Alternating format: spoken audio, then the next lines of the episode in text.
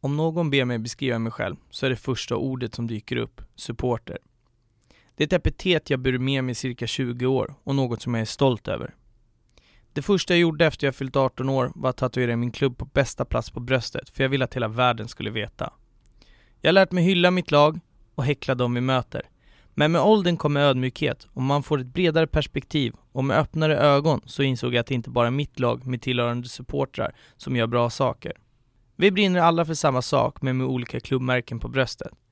Sakta men säkert har en respekt vuxit fram för alla som kallar sig supportrar. Så till frågan som stod till grund för den här podden. Vi kallar oss alla samma sak, men vad är egentligen skillnaden? Vad är skillnaden mellan olika tidsepoker? Hur såg det egentligen ut för 20 år sedan? Är det skillnad mellan sporter? Eller är det skillnad på olika delar av landet? Jag är uppväxt med detta, men är så extremt färgad av AIKs ståplatsläktare och nu vill jag veta hur det ser ut på de andra läktarna jag aldrig kommer stå eller sitta på.